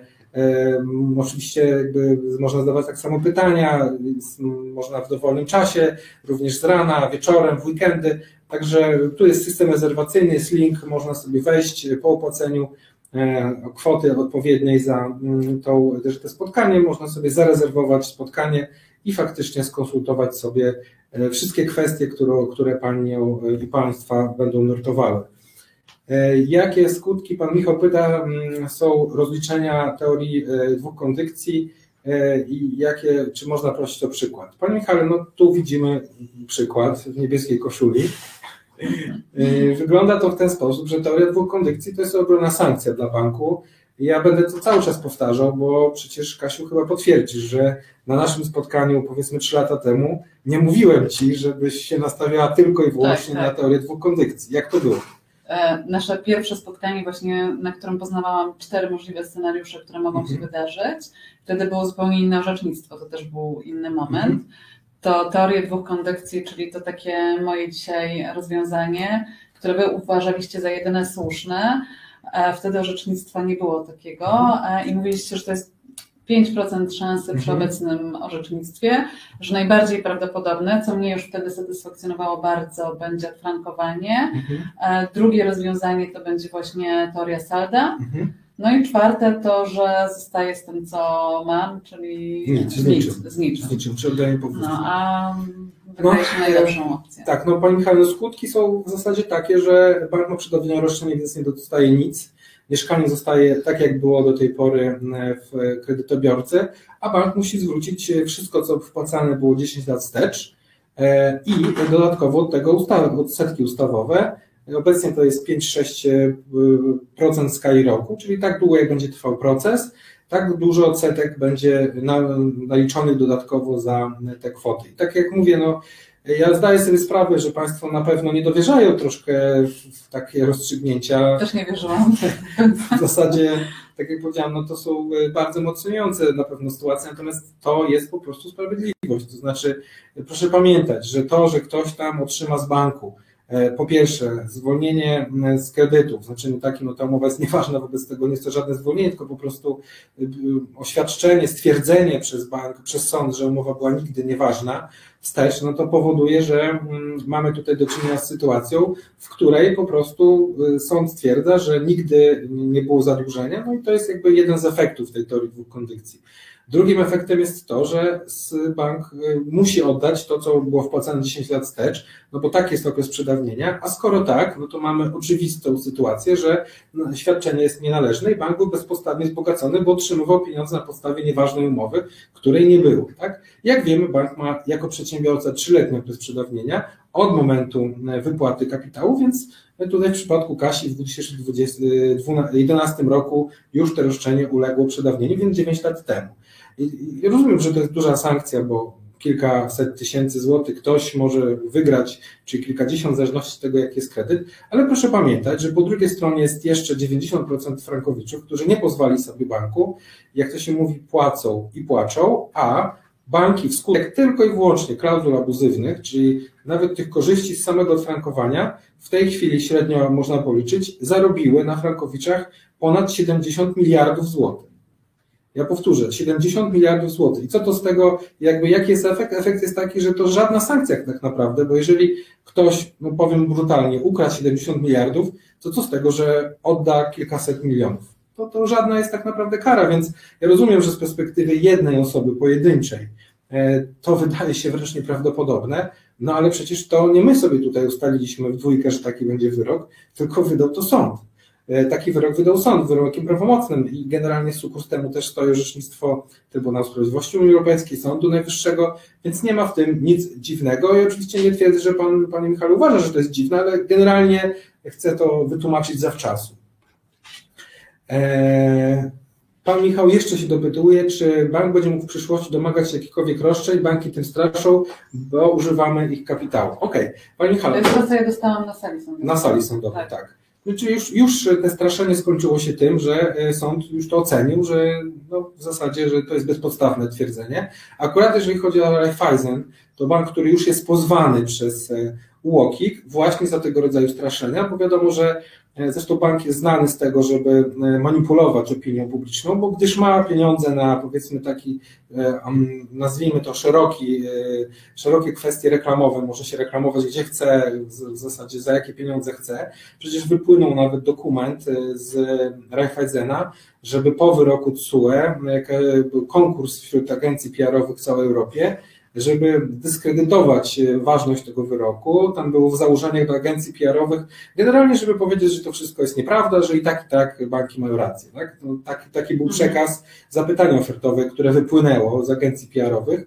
Więc no generalnie to, że banki straszą, no to jest oczywiste. My akurat e, w Twoich czasach tego nie było, ale w tej chwili dajemy 3 lata ochrony po procesie, po prawomocnym wyroku, właśnie na okoliczność tego, co mówią banki. Znaczy dla nas to jest oczywistym, że nic nie będzie się z tego działo, ale na wszelki wypadek dajemy taką gwarancję, żeby też e, Państwo się czuli bezpiecznie, że my tutaj po wyroku prawomocnym nie pójdziemy, nie zamkniemy drzwi, tak jak nie zamknęliśmy drzwi e, przed Kasią, dalej po prawomocnym wyroku egzekwujemy go tak? I nie będziemy zamykali przed państwem. Natomiast to, jeżeli chodzi o korzystanie z kapitału, no to mówmy się, że bank też korzystał z państwa kapitału, natomiast nie ma w ogóle sankcji. Przy, przypominam, że jedyną sankcją za e, przy unieważnieniu umowy jest rozliczenie stron, czyli zwrot tego, co sobie strony świadczyły, natomiast na zasadzie ogólnych.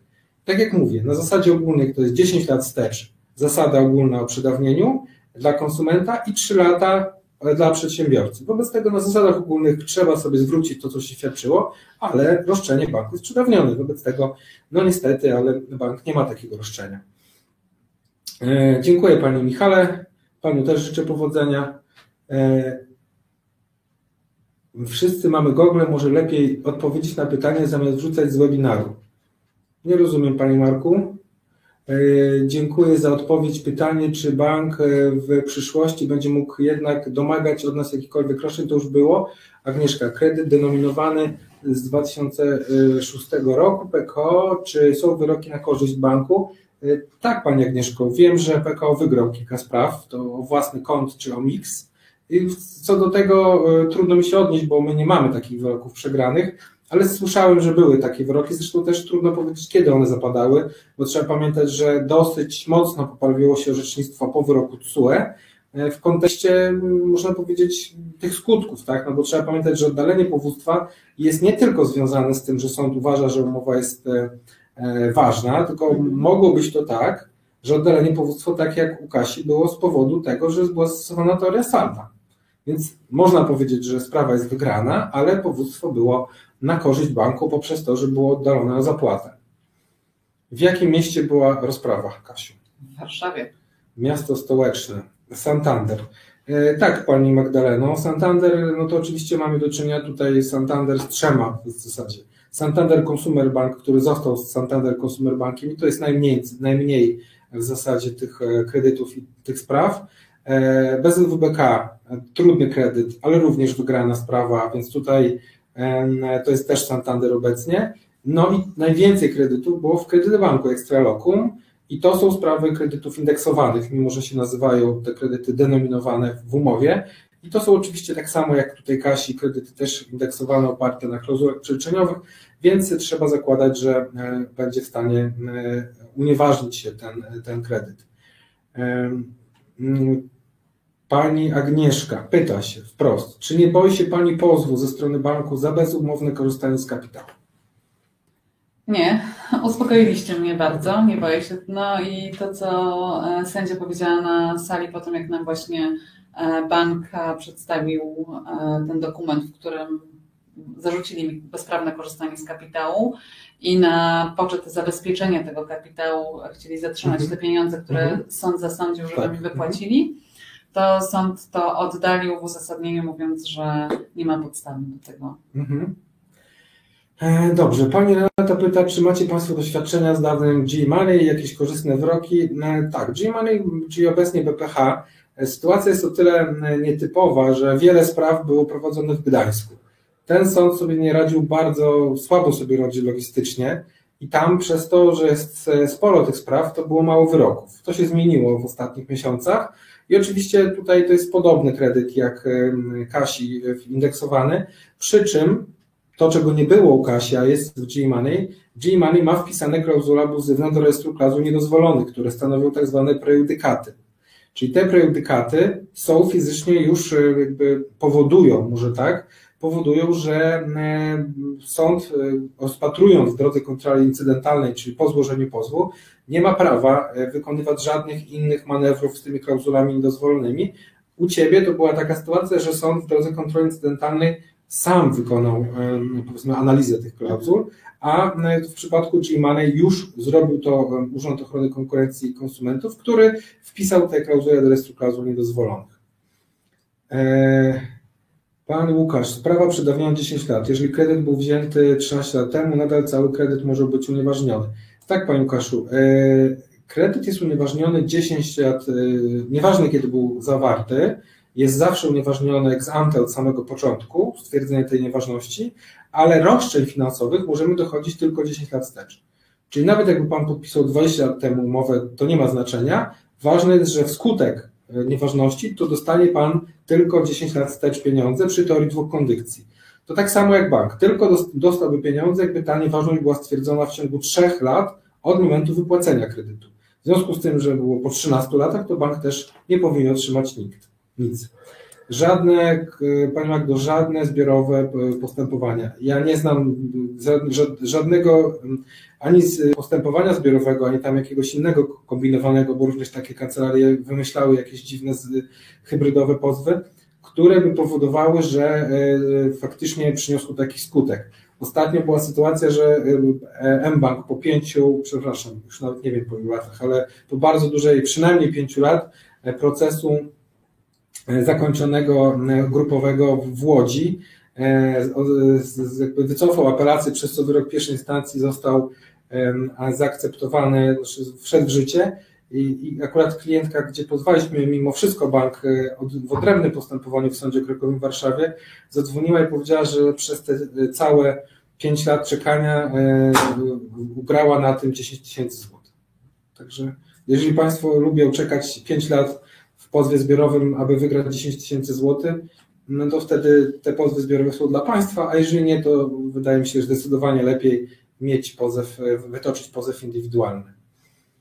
E, jak wyglądają wyroki przeciw milenium? No, wyroki przeciw milenium, czy też e, e, innych kredytów mBank, tutaj pani ta pisze, to są wszystko identyczne sytuacje jak GE, czyli też banki mają klauzule niedozwolone, wpisane już do rejestru, czyli przynajmniej odfrankowanie jak najbardziej jest w tego rodzaju postępowaniu do osiągnięcia. Zaćmienie mam. Czy macie doświadczenie, pozytywne wyroki z BM? Mam zaćmienie. BM, BM, BM, BM, BM. Później do tego wrócę. Nie, nie kojarzę tego skrótu. Mm, Bank Millennium? To tak, no to już powiedziałem wcześniej. Eee, Consumer Bank. Czy macie Państwo doświadczenia? O, Pan Sławoni, proszę. Jest już prawie 7 lat w pozwie grupowym z BM, to czyli Bank Millennium. O, klauzule abuzywne z kancelarii DT. Tak, Tomaszewski. E, I czekam na niecierpliwością zakończenie sprawy, aby ruszyć pozwem indywidualnym. Słusznie. Rozumiem, że na chwilę obecną nie ma Pan szansy wystąpić z powództwem o unieważnienie lub podfrankowanie e, państwo w mirze, a wręcz przeciwnie. My mamy pozwy osób, które były w, w, pozwie grupowym z DT e, i nie pamiętam ile tam było tych pozwów grupowych, ale na pewno mamy pozwy. Złożone już indywidualnie i one normalnie trwają, więc nie sądzę, że e, jest to problem. Proszę e, ewentualnie skontaktować, zobaczymy jaki ma Pan pozew, jakie są tam roszczenia w tym roszczeniu grupowym, bo pozew o klauzule abuzywne to może być o ustalenie abuzywności klauzul, może być o zapłatę z tytułu klauzul abuzywnych. No, trzeba by było jednak to zweryfikować. Natomiast ja wiem, że mamy osoby z pozwu grupowego i złożyliśmy pozwy indywidualne. E, niedawno był pan Chris, niedawno był wyrok w sprawie kredytu frankowego e, negujący dziesięcioletni okres przedawnienia.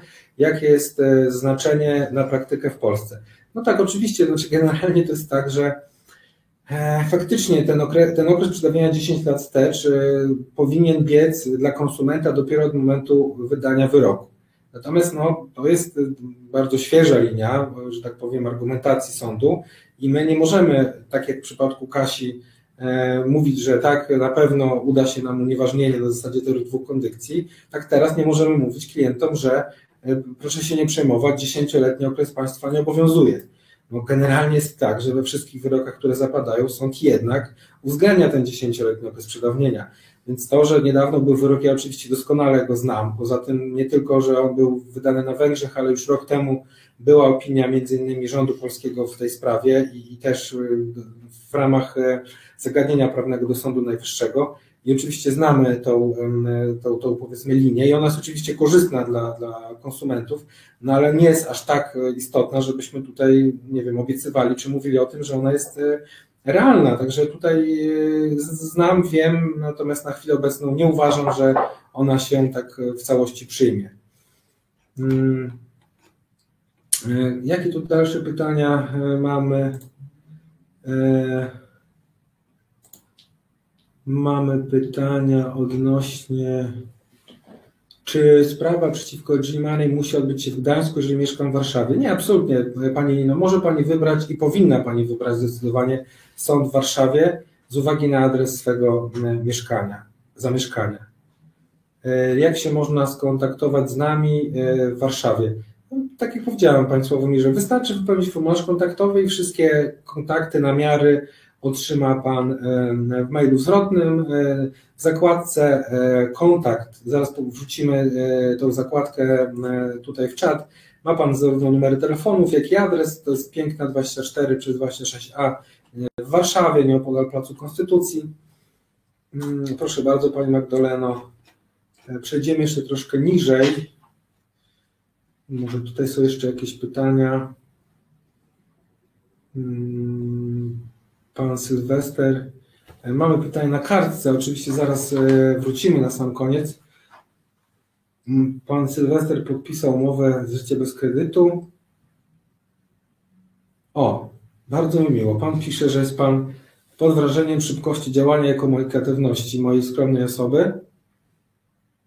O, no tak. Pozew został złożony niecały tydzień od podpisania umowy. Mam nadzieję, że dalej już będzie tylko lepiej.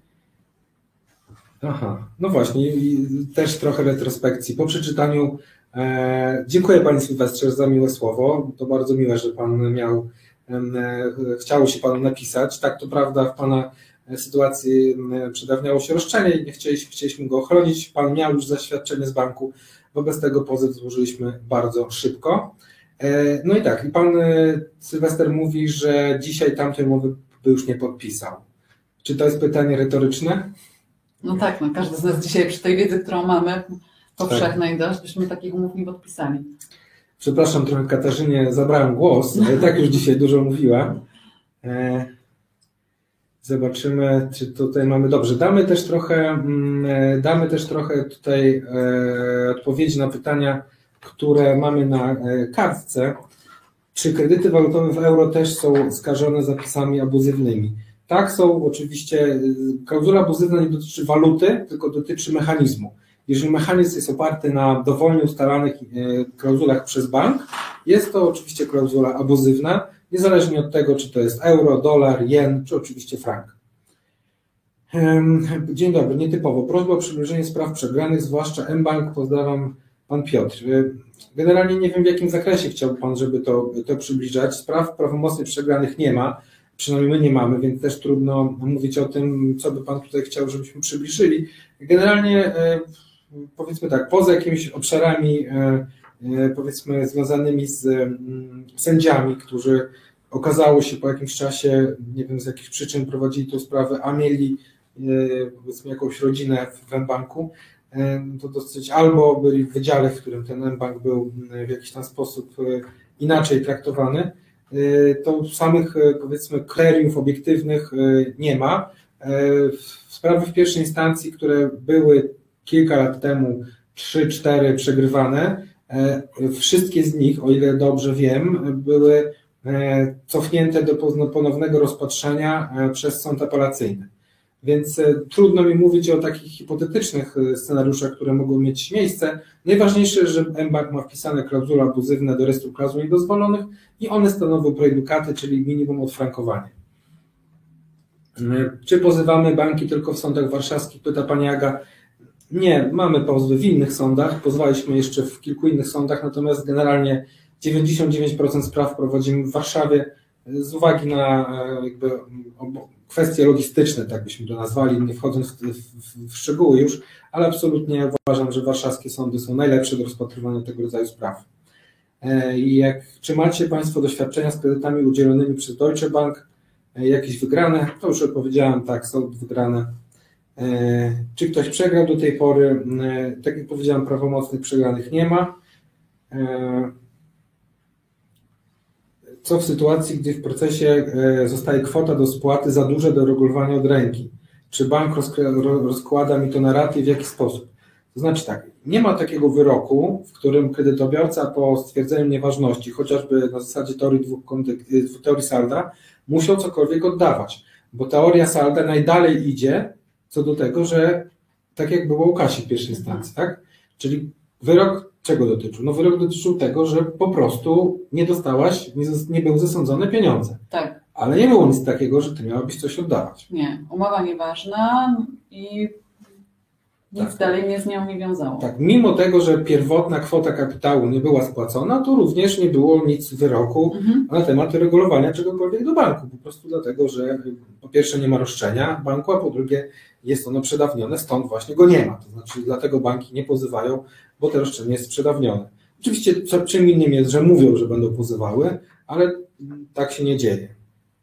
E, w przypadku nieważnienia umowy zawartej kilkanaście lat temu oddaje bankowi 100% pożyczonej kwoty, czy może mniej ze względu na przedawnienie roszczeń? Mniej, dokładnie o 100%, czyli zero. Witam. Jak wyglądała sytuacja z kredytami denominowanymi w Paribas, wcześniej Fortis? Słyszałem, że są jednymi z najtrudniejszymi do wygrania. No tak, nasz konik, czyli bank, który można to nazwać, jest e, powszechnie do dziś uważany za wiele e, kancelarii, które się nawet bardzo mocno reklamują we wszemi wobec za nie, nie do wygrania. No tak, mamy wygrane sprawy, również jako pierwsza wygrana sprawa w Polsce prawomocnym wyrokiem na teorii też dwóch kondykcji. Pozostałe sprawy też są wygrane, wszystkie wygrane w tym roku, więc no nie sądzę, że moglibyśmy z tym bankiem przegrać, no ale oczywiście to też jest efektem dosyć rozbudowanej argumentacji prawno-ekonomicznej, tak bym to nazwał, absolutnie nie tylko prawnej. To sama prawna niestety tutaj by się nie udało. Jeżeli zapłacę wstępną opłatę za prowadzenie sprawy i przegramy, to czy ta opłata jest zwracana, czy przepada? Czy wszystko, czy w jakiejś części?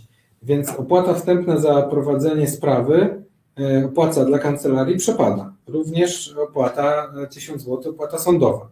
Można oczywiście korzystać z jakiegoś rodzaju gwarancji, które w jakiś tam sposób powodują zwrot tych kwot, czy też kosztów zastępstwa procesowego drugiej strony, no ale to jest wszystko generalnie kwestią dodatkowej umowy. Co do zasady, to co się zainwestowało w proces, w przypadku udalenia powództwa przepada, plus jeszcze trzeba zwrócić bankowi koszty zastępstwa procesowego drugiej strony, więc to jest 5400 albo e, i 2700 za przy kredycie przy wartości przedmiotu sporu do 200 tysięcy złotych, przy wartości przedmiotu sporu 10800 i 5400 są to kwoty 10800 i 5400.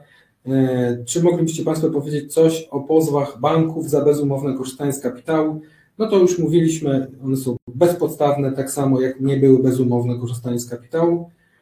Czy negocjacja kursu HF do kredytu zaciągniętego w Banku Nordea stanowi skuteczną przeszkodę przy staraniu się o, o frankowanie kredytu?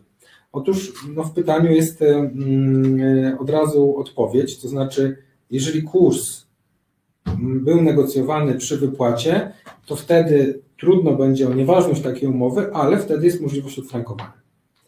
E, najczęściej, oczywiście to wszystko zależy od konkretnej sytuacji, bo nie przeszkadza oczywiście to w unieważnieniu umowy, ale mamy różne kredyty Nordei, indeksowane i denominowane, wobec tego pytanie nie jest pełne. E, powoli będziemy dziękowali, zbliża się już półtorej godziny. E, ja jestem przyzwyczajony do tego czasu, ale widzę, że już Kasia nie, nie. W każdym razie... Ja będę Państwa zachęcać, żeby każdy składał indywidualne pozy są duże szanse na wygranie właściwie. No tak, tak. No to, to bardzo miło. Zresztą no, e, powiem tak, ja też czasami e, e, ludzie pytają, jak to jest możliwe, że dajemy rady tak mocno na takich dużych obrotach pracować i tak się angażować w sprawę każdego jednego pojedynczego mm, Frankowicza, ale to jest, sobie kiedyś też zacząłem ostatnio pytać, jak to jest możliwe, ale wydaje mi się, że to te wygrywanie tak mocno dopinguje, tak? że, że ta, ta radość z wygrywania Myślę, żeby nie było tych wygranych, to byśmy nie dali rady tak, tak jechać na takich obrotach, dlatego że po prostu no to są dodatkowe jednak emocje, które dzień w dzień człowiek staje z rana myśli znowu idziemy, bo znowu zaraz będzie wyrok i kiedy następny. E, ty pewnie też masz e, podobną sytuację, pewnie niektórzy twoi znajomi, którzy też się w pewien sposób zaangażowali tak, w ten proces. Tak, no, bardzo wielu znajomych właśnie pozwało mhm. i też gdzieś wszyscy obserwujemy nawzajem swoje sprawy. Mhm. E, już zaczynamy się orientować, jacy sędziowie, jakie sprawy, jakie mają orzecznictwo, więc to wszystko też gdzieś tam mhm. nas bardzo pasjonuje i też wszyscy gdzieś tam zdajemy sobie sprawę, że to jedyna właściwa droga, żeby pozwać bank i się uwolnić od tego obciążenia. No właśnie, a z, jeszcze z perspektywy mm, generalnie znajomych i w ogóle też tego, jak e, oceniano Cię, już trochę powiedziałaś na ten temat, ale jak Cię oceniano mm, w perspektywie czasu, czyli, e, bo ten proces trwał niemal 3 lata, czy te, ta ocena Twojego zachowania się zmieniała? Czy, czy na początku to było stukanie się głowę, czy przez cały czas było takie same raczej zachowanie? Czy jednak, jeżeli kiedy docierało do tych, nazwijmy to, obserwatorów, że faktycznie możesz mieć rację i koniec końców okazało się, że mhm. masz rację w sądzie, czy to zauważyłeś, że to się zmieniało? Tak, to się bardzo zmieniało. Znaczy na początku, jak ja pozwałam bank, to byłam jedną z pierwszych w ogóle mhm wśród znajomych. Właściwie nie znałam nikogo, kto pozwał bank, więc też nie mogłam pójść zapytać, ej, jak to jest w Twoim przypadku. Mhm. Tylko też byłam tą pierwszą i też dużo osób mi mówiło, wiesz, to jest walka Dawida z Goliatem, nie masz szans, przecież oni się okopią największymi kancelariami. Mhm. Jak ty jedna z e, kancelarią, jedną mniej obeznaną w tych realiach mhm. sądowo-biznesowych będziesz w stanie wywalczyć cokolwiek, a potem właśnie e, widząc kolejne etapy i to, że tak naprawdę już reklamacja była w takim mikrostopniu skuteczna, Mhm. bo to może kogoś też zachęci, że ja po prostu nagle po złożeniu reklamacji weszłam na konto, na którym miałam e, przygotowane pieniądze co miesiąc na spłatę kredytu i zobaczyłam, że mam tam jakieś ekstra pieniądze i w ogóle nie wiedziałam skąd się te pieniądze wzięły, nie rozumiałam, zadzwoniłam do Ciebie i powiedziałam, Mhm. skąd te pieniądze, to powiedziałeś, a nie, to w odpowiedzi na reklamację oni Ci oddali Tak. e, Czasami tak się zdarza, tak? My oczywiście to też zależy bardzo mocno, bo my w zasadzie składając reklamację, trudno jest tak jakby przewidzieć, jak był dany kredyt obsługiwany, czyli Mhm. ile faktycznie tych e, złych, e, powiedzmy tam, e, zachowań banku już się odnalazło, do ilu z nich bank się od razu przyzna, a ile z nich trzeba będzie później w drodze sądowej faktycznie prowadzić. Okej, no tutaj z perspektywy tych pytań na pewno będą mogli Państwo ewentualnie zadawać też mailowo, będziemy starali się Państwu odpowiadać na bieżąco. Jakie są koszty reprezentacji przed sądem w pierwszej i drugiej instancji? Opłata e, kancelarii jest jedna, absolutnie jedna z tej perspektywy, że częściowo oczywiście pokrywana jest success fee, e, te koszty prowadzenia i one, Pani Janino, do- dotyczą e, w konsekwencji przesłania najpierw e, umowy do analizy, dotyczą e, konkretnego kredytu i konkretnej kwoty kredytu, roku zaciągnięcia, e, skomplikowania danej sprawy, więc nie ma jednej kwoty. Te koszty, co do zasady, również zależą od wartości przedmiotu sporu. Mm, Damy radę, tutaj nie ma, że tak powiem, problemu, żeby Pani w ciągu trzech dni otrzymała taką analizę. Czego dotyczy reklamacja? No to Pani Kasiu, to, to dotyczy po prostu w zależności też od banku, e, jakie tam e, nieprawidłowości bank mógł zastosować. E, Pan Sławomir pyta, przerasta Pana temat wyliczenia roszczeń.